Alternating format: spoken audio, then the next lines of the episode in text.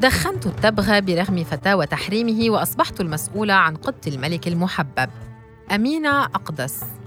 مهلة موسوي.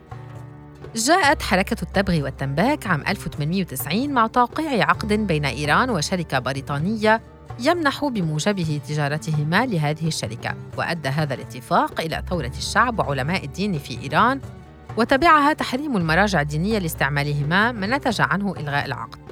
قام الناس آنذاك وإثر الفتوى بتحريمه بكسر نرجيلاتهم وتجنب استخدامه نصرة لدعوة شعبية من قبل رجال الدين الوطنيين وعلى رأسهم ميرزا شيرازي ولكن ثمت امرأة مكفوفة كانت تعيش في حرم ناصر الدين شاه رابع ملوك السلالة القاجارية التي حكمت إيران بين 1848 حتى 1896 وأهمهم ظلت تدخن النرجيلة غير مكترثة بما يقال ويصدر وذلك بسبب ما كانت تحظى بها من مكانة في البلاط.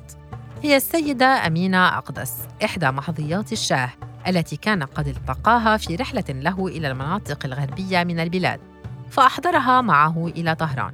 يكتب ميرزا علي خان أمين الدولة من رجال الفترة القاجارية والصدر الأعظم لناصر الدين الشاه في مذكراته حين عبر الموكب الملكي من كاروس من مدينة كردستان الإيرانية وقعت فتاة قبيحة ويتيمة وجزء من جسدها كان قد احترق في طفولتها ولم يلتئم اسمها زبيدة. كانت العادة أن يشتريها الملك بثمن بخس ودراهم معدودات ورحمة بها يضعها ضمن خدمه. عملت زبيدة بداية في مقهى الحرم ولكنها استطاعت لفت انتباه الملك إلى أن باتت من المحظيات التي يحبها الملك حبا جما وتقدمت حتى أصبحت الحافظة لمجوهرات المملكة. ومن ثم لقبت بأمينة أقدس. وإضافة إلى ذلك كانت السيدة زبيدة المسؤولة عن ببري خان قط الملك المحبب. نراها في إحدى الصور تحدق في نقطة خارج الإطار وعلى خلاف بقية السراري ليس لديها شاربان حتى أن حاجبيها غير كثيفين ترتدي قميصا مشجرا واضعة يديها على رجليها. وكأن هذه الجلسة تدل على مكانتها في الحرم وثقتها بنفسها. فقدت إحدى عينيها في حادث وبعد سنوات فقدت بصرها في العين الثانية.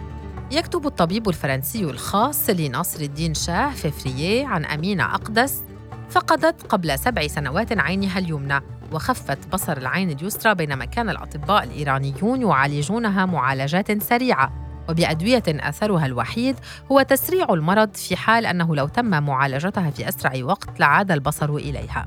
بعد أن انتبه الملك إلى وخامة الوضع طلب ففريه فوراً فيكتب الطبيب. أذهب يومياً لمعالجة أمينة أقدس.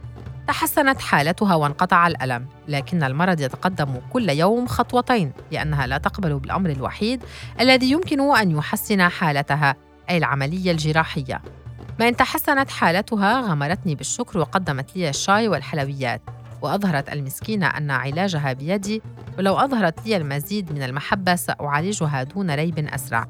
ولأنها تؤمن بهذه الفكرة لم أظهر تضايقي. قالت لي في نفس اليوم إنها قد عرضت على الملك أن الأرض التي منحها لأمين السلطان أرى أنه من اللازم أن تعطى لي. ووافق الملك على أن أتعهد ببنائها. وقد فرحت جدا بجواب الملك وهذا ما كشفته لي هي. رغم محاولات ففرييه في إقناع أمينة أقدس بالعملية لكنه لم ينجح في ذلك. ورويدا رويدا فقدت أمينة أقدس البصر كليا. فقدان بصر المحظية المقربة من الملك أحزنه وحاول بكل الطرق أن يعيد البصر لزبيدة. بعد مشاورات كثيرة ورغم معارضة علماء الدين والأجواء الحاكمة على المجتمع قرر ناصر الدين شاه إرسال أمينة أقدس مع ممرضات وآغا بهرام أحد الخواجات النافذين في البلاط بمعية سعد السلطنة حاكم قزوين وميرزا أحمد خان كمترجم إلى فيينا لمعالجة عينيها. يكتب اعتماد السلطنة صحفي ومترجم ناصر الدين شاه في مذكراته. قبل ذهاب أمينة أقدس إلى أوروبا حدث خلاف في بلاط ناصر الدين شاه حول هذه القضية.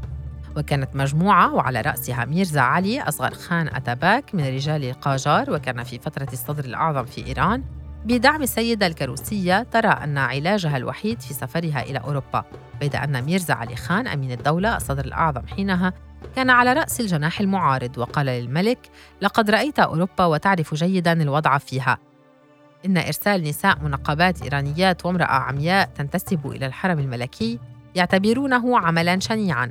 وفي حال أن الشفاء عبر هذه الطريقة محل شك فمن الأفضل ذهاب أمينة أقدس إلى الحج عن طريق إسطنبول لأنها مدينة الإسلام وعبور النساء الإيرانيات ليس مستغربا وثمة تجار إيرانيون معهم عائلاتهم يعرفون لغة بعضهم بعضا ويمكنهم تقديم المساعدة.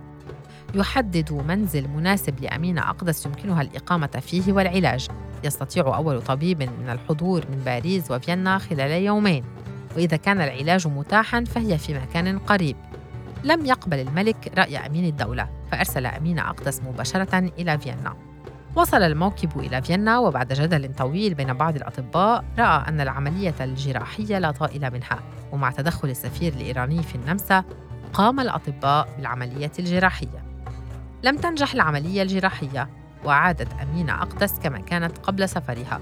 بعد وصولها إلى طهران ذهبت إلى مدينة مشهد ومن ثم عادت إلى حديقتها في تجريش الحديقة التي باتت معروفة بالأقدسية لأنها تملكها وهي اليوم منطقة في شمال طهران.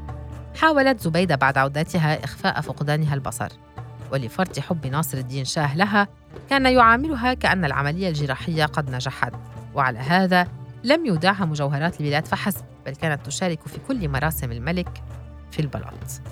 لم تكن زبيدة ترى شيئا ولكن هذا لم يمنعها عن ركب المنافسة في البلاط. في حال أنها كانت تحمل حسرة الرؤية والبصر مجددا. يكتب ففرييه عن آخر لقاء جمعه بها. طلبني آغا بهرام خواجة باشي. ما إن دخلت رأيت العجوز العمياء حزينة ومكسورة. سألتني عن حالي بحفاوة كما هي عادة الإيرانيين وكانت تمتدحني بجمل فصيحة وبليغة. وحاولت أن تسألني إن كانت ثمة وسيلة لمعالجة عينيها مثل عيني السيدة عائشة إحدى نساء ناصر الدين شاه أم لا. أصيبت أمينة أقدس في النهاية بسكتة دماغية أدت إلى وفاتها.